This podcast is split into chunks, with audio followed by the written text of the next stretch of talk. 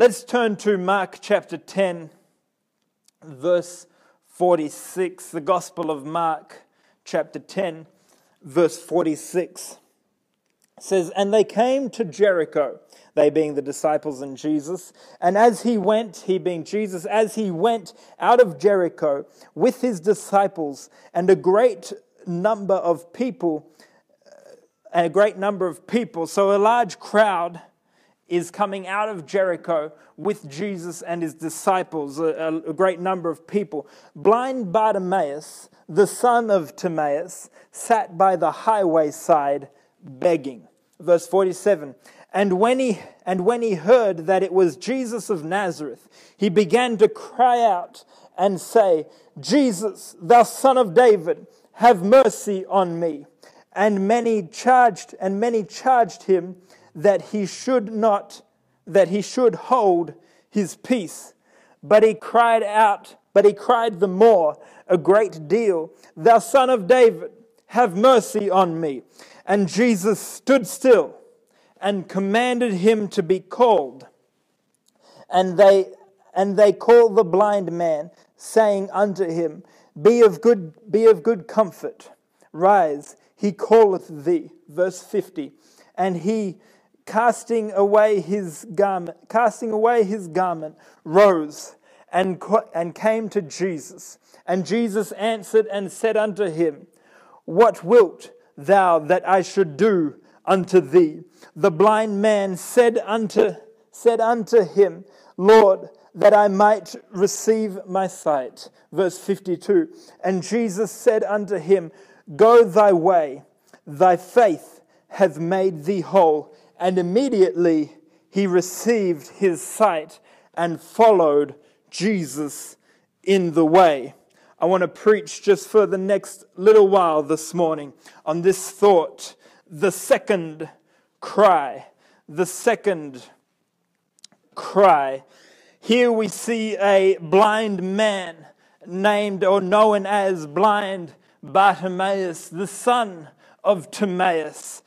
And it's the, the Bible, really, when it says the son of Timaeus there, it is explaining what Bartimaeus means, Bar being son, and then Timaeus being his father's name. And so, as we read this passage, we realize and we recognize that uh, blind Bartimaeus, his name actually isn't Bartimaeus, and that we actually have no record of what his name is. He has no name, no identity. He just fulfills a role in society, being a blind beggar that allows the affluent to come by and fulfill their role of, of good deeds and, and good things and good works and toss a little coin in there from time to time.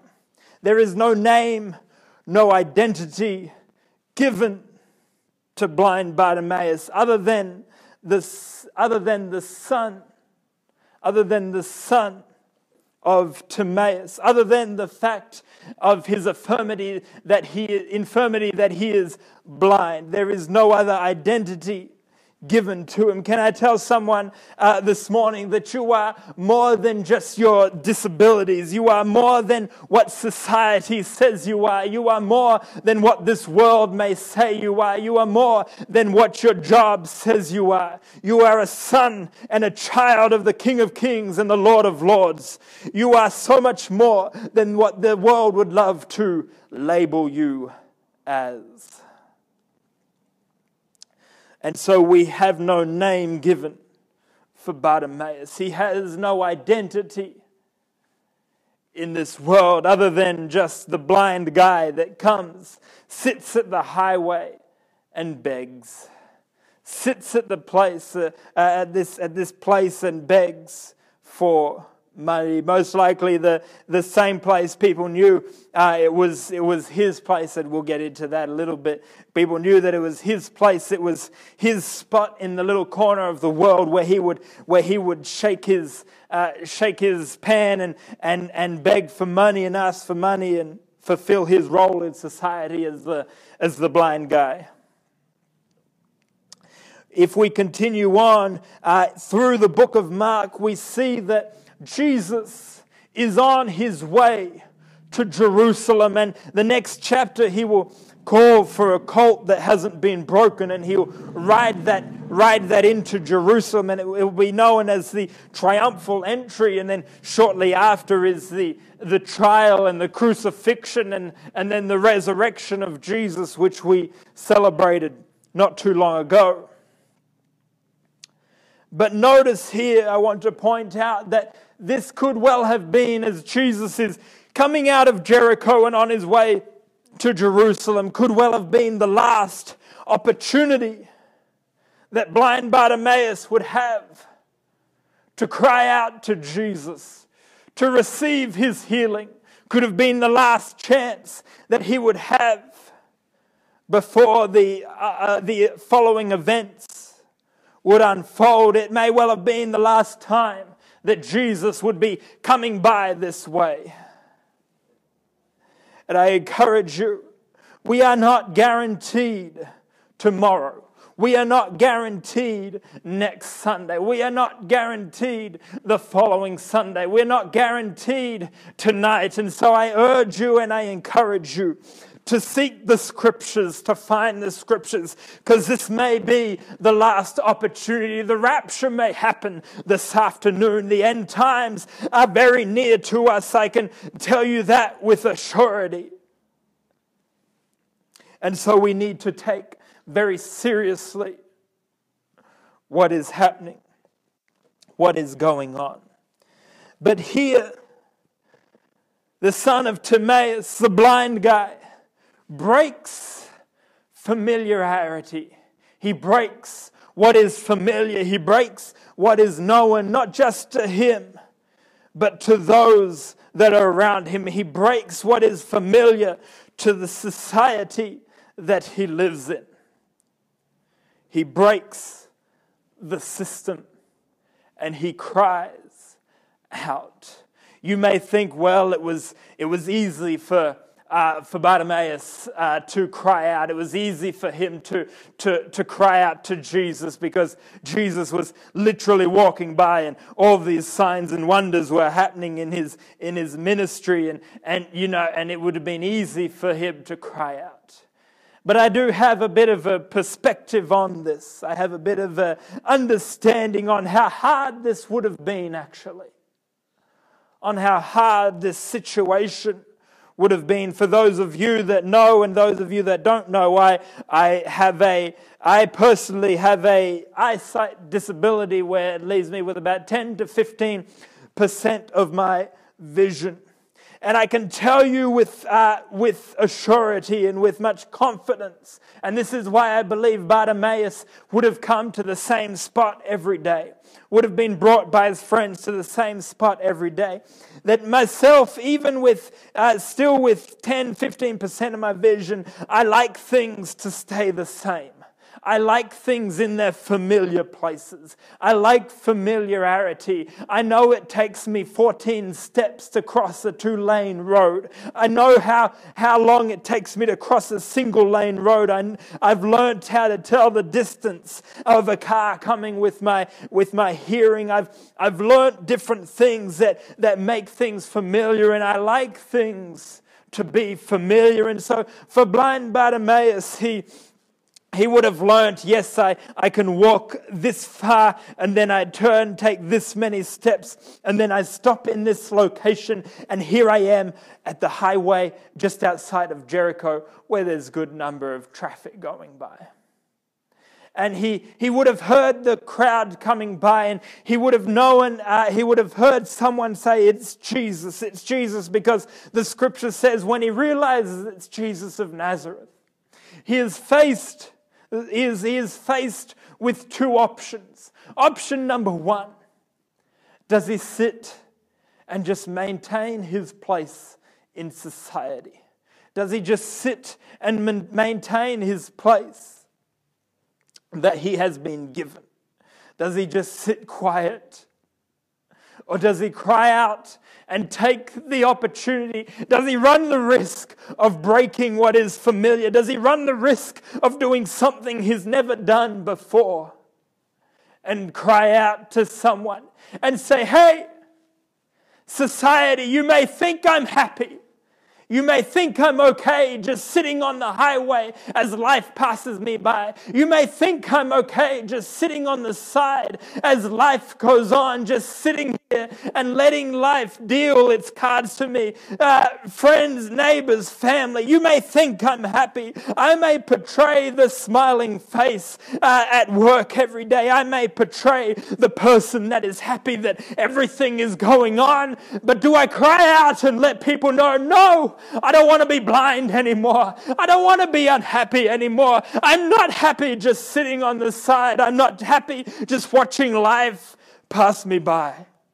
Do I run the risk and do something that I have never done before? Do I run the chance? What will people say? What will people think? What will happen if I do that? And all of a sudden, Bartimaeus chooses option two. And he cries out with a loud voice. He says, Jesus, thou son of David, have mercy on me. He cries out. He cries out, and all of a sudden, all the rules of society, all the things that people have said, and everything that people think about Bartimaeus, everything uh, that they thought is broken. I thought he was happy. I thought he enjoyed his, his life. I thought he enjoyed the, the time. I, he always seemed happy when he came into work. I thought she, I thought she enjoyed doing this and that on a Friday night. I thought, I thought, I thought they enjoyed this. I thought they were happy. And blind Bartimaeus, he breaks out and breaks what everybody is thinking. I encourage you this morning, wherever you're at, it may be time for you to break what is familiar. It may be time for you to break what is known. It may be time for you to break the normal, the mundane, the Monday to Friday, the nine to five. It may be time for you to break that. No matter what people will say. And that was the first cry. No, it wasn't easy for Bartimaeus. It wasn't easy for him to break the familiarity of just coming, sitting. He, he, he, he, he would have been provided for, had enough to get by day by day. But he decided, I'm not happy doing this. And he cried out. I can tell you with a surety that if you do that, people will tell you and try to get you back in your place, back where you belong, where society has put you, labeled you, and kept you, and tell you, hey, hey, hold your peace, Bartimaeus. Stay quiet, son of Timaeus. I don't know who you are. I haven't spent enough time with you. I haven't looked you in the face. I don't know your story, but I know you're a blind guy that sits on the highway. And that's the label that you've been given. And that's the position that you should stay in. Hold your peace. If you were a judge or a lawyer or, or this or that, if you had, if you were someone in society, Bartimaeus, then, then I would know your name. Then I would know, uh, know, know you. And then you, you could approach Jesus. I will tell you right now that as soon as you try to break the mold, as soon as you try to say, No, I'm, I'm not happy, with the way things are. I'm not happy with what's going on as soon as you try to do that. People will try to tell you to hold your peace, to get back in your place. They may not even know your name, they may not even know who you are, but they'll try to tell you to get back into position, get back into line. But I've come to preach to you this morning that it wasn't about the first cry that Bartimaeus gave, it was about the second cry that he gave. Because he cried out yet the more Jesus, thou son of David, have mercy on me. Have mercy on me. I've come to challenge you this morning, whoever may be listening, to challenge you this morning. God has given you so many chances, so many opportunities, so many uh, things that where He has shown Himself real in your life. He's given you a time after time, opportunity after opportunity. But when we are faced, when we cry out one time and we're faced with people putting us back in our position, too many times we stop right there at the first cry. Well, I prayed for the Holy Spirit. I prayed that God would fill me with the Holy Ghost. He didn't, so forget that. I'm not coming to the altar again to pray for the Holy Ghost. I tried church. I went to church one weekend and God didn't change my life. So forget that, God. I gave you one chance. Forget a second chance. I gave you a chance, God, to show yourself real. I came to church. I, I, I, I gave in the offering. I, I prayed one Monday. I, I prayed one week, and my life didn't change. You did nothing, God. My, my life didn't change. But I've come to urge you this morning give God another chance. Give prayer another chance. Seek after the Holy Spirit. Uh, give church another chance. Give the, give the Spirit of God a chance to move in your life. Cry out again. Don't just leave it at one cry. Don't just leave it at one cry. Too many times, too many times, we leave it at just crying out once. People say, Hold your peace. And, and we sit back down in the mess and the muck that life has put us in. And I'm almost done. And I urge you to cry out a second time. What would happen if you came to church again? Maybe two Sundays in a row. What would happen if you prayed maybe two days in a row, or two weeks in a row, or two months in a row? What would happen if you gave God a real chance? I can tell you what would happen. You'd get his attention. You would get the attention of the Almighty God, the King of Kings and the Lord of Lords. You'd get a hold of his attention. That's what would happen. And all of a sudden, when Jesus is interest, interested in the man who has no name, when Jesus is interested in the son of Timaeus, the, the blind man, all of the people are like, hey, hey, come, come, come, we want to be your friend. Let me help you get to Jesus because I'll get to stand next to him then. You will get his attention. That's what will happen. That's what will happen. Take a second cry. Let's turn to Hebrews chapter 11, verse 6. But without faith, it is impossible to please him. For he that cometh to God must believe that he is, and that he is a rewarder of them that diligently seek him church and anybody who's tuning in who's under the sound of my voice this morning.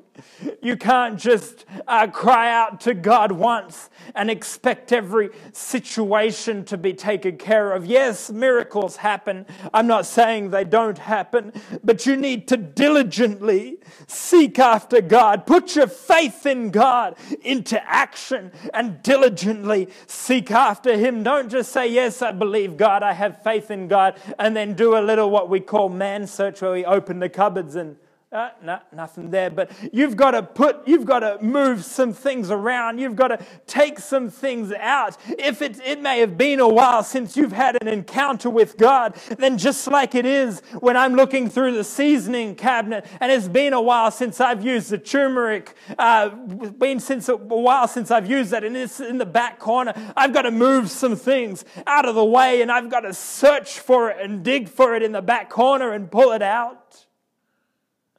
And I urge you this morning diligently seek after God. He is a rewarder of those that diligently seek Him. Jeremiah. Jeremiah chapter 29, verse 13 says, And ye shall seek me and find me when ye shall seek for me with all your heart. You will seek me and you will find me when you seek for me with all your heart. It is time to stop playing games. It's time to stop mucking around. It's time to stop just doing a half hearted search for God, a half hearted look for the reality of God. But it is time to look for God, to seek Him out and to find Him. And when you look for Him with all your heart, you will find God and you will find Him to be real and He will call you unto Him and He'll say, What, it is, what is it that you want? And just like blind Bartimaeus, the things that are broken, the things that are tattered in your life, God will put back together. It is time to seek Him with all your heart. And I close with this no excuse will suffice on Judgment Day. Brothers and sisters, church, whoever's listening in, no excuse when the rapture happens, when judgment day comes, when, when the prophecies that the Bible has have prophesied come to pass, and we're, we're witnessing them coming to pass now, when that all comes to pass, no excuse you make on judgment day will stand before God.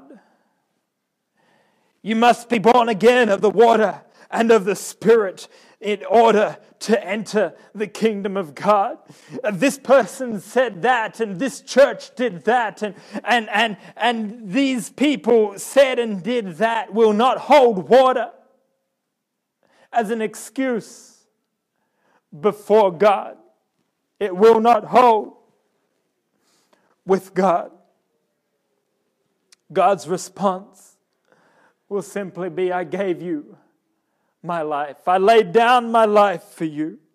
I gave you every opportunity, I gave you every chance to hear the word, to hear the gospel. You hear this preacher this morning. The end is drawing nigh. We don't have time to play games. The end is near. The end is upon us. We don't have time to mess around. You can't say, Well, God, I, I cried out once for you.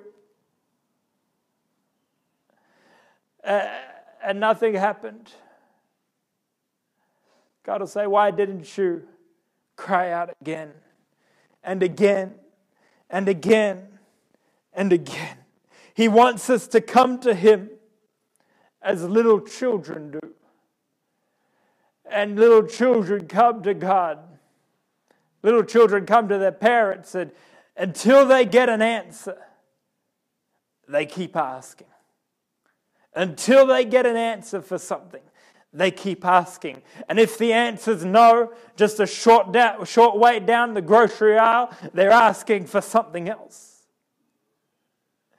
God's not frustrated with our knocking. God's not frustrated with our asking. God's not frustrated with us crying out day after day to Him to, to, for Him to help us. God's not frustrated by any of that. But what breaks His heart, what breaks His, what breaks His heart is when He walks by, when His presence comes by, when He is so tangible in a place, when He comes by and there's people with broken lives. There's people that are blind. There's people with broken hearts sitting on the highway that just sit in silence. And maybe they cried out once, but they haven't cried out again. God wants you to cry out to Him. Again and again and again until you get your answer. No excuse will stand before God on Judgment Day. No excuse will stand. You must be born again of the water and of the Spirit, or else you cannot enter the kingdom of God. The Bible is very plain, very clear. Mark 16 16 says, you must be baptized. If you're not baptized, it very literally says you must be baptized or you will be damned. You must be baptized. You must be born again of the water and of the Spirit. And as we close in prayer this morning, I urge you again as I have each Sunday. If you're not sure on what that is, message us. Let's have a Bible study. Let's read through it. I will be preaching on it next week, but don't wait for Sunday because Sunday may not come. Sunday may be too late. I will be preaching on it Sunday, but don't wait for Sunday. Cry out to God. He's put us here to share this with you. Send us a message, cry out, and we will get together and tell you and go through and discover exactly what the Bible says. Because the end is drawing nigh, and you need to be ready. Let's close in prayer, and I urge you, I encourage you to put some music on at your house. Spend some time in prayer and ask God. Ask God to reveal Himself to you. Cry out to God again this morning. Put some music on and cry out to Him. You can just search Pentecostal worship music on Spotify or Ocean College, the college we went to on Spotify, they have some good music. And just let the presence of God saturate where you're at. Let's pray this morning. God, we worship you. We praise you, God. Thank you, God, for your word. Thank you for your scripture that leads us and guides us. Thank you, God, that we're able to study your word. Thank you for revelation, God. And God, I pray for everybody that's heard the message this morning. I pray, God, that you would give them the strength and the courage to cry out again, to try you again, to taste and see that you are good. Give them the courage, give them the strength to cry out in the face of society, to cry out even when people would, uh, would try to put them in their place, to cry out the more, like Bartimaeus did, to cry out against all the odds. Jesus, we worship you. In Jesus' name. Amen, amen, amen. We're going to end the live stream here. Continue to allow the music to play in your house and allow the presence of God to minister to you. And I encourage you, message us, get in touch with us. Get in touch with us. If you don't live in Alice Springs, we'll find a church near you and get you in touch with them. We'll find a church that preaches the Bible, that will love you, that will care for you, that will be there for you. Get in, and we'll, we'll help you get in touch with them. Don't forget tonight at 6 p.m. We're having a special service with missionaries Peter and Robin Gratian. Uh, tune in for that. It'll be a it'll be a wonderful time. God bless. You're dismissed. Can't wait to see everyone again in a couple weeks. You're dismissed. God bless.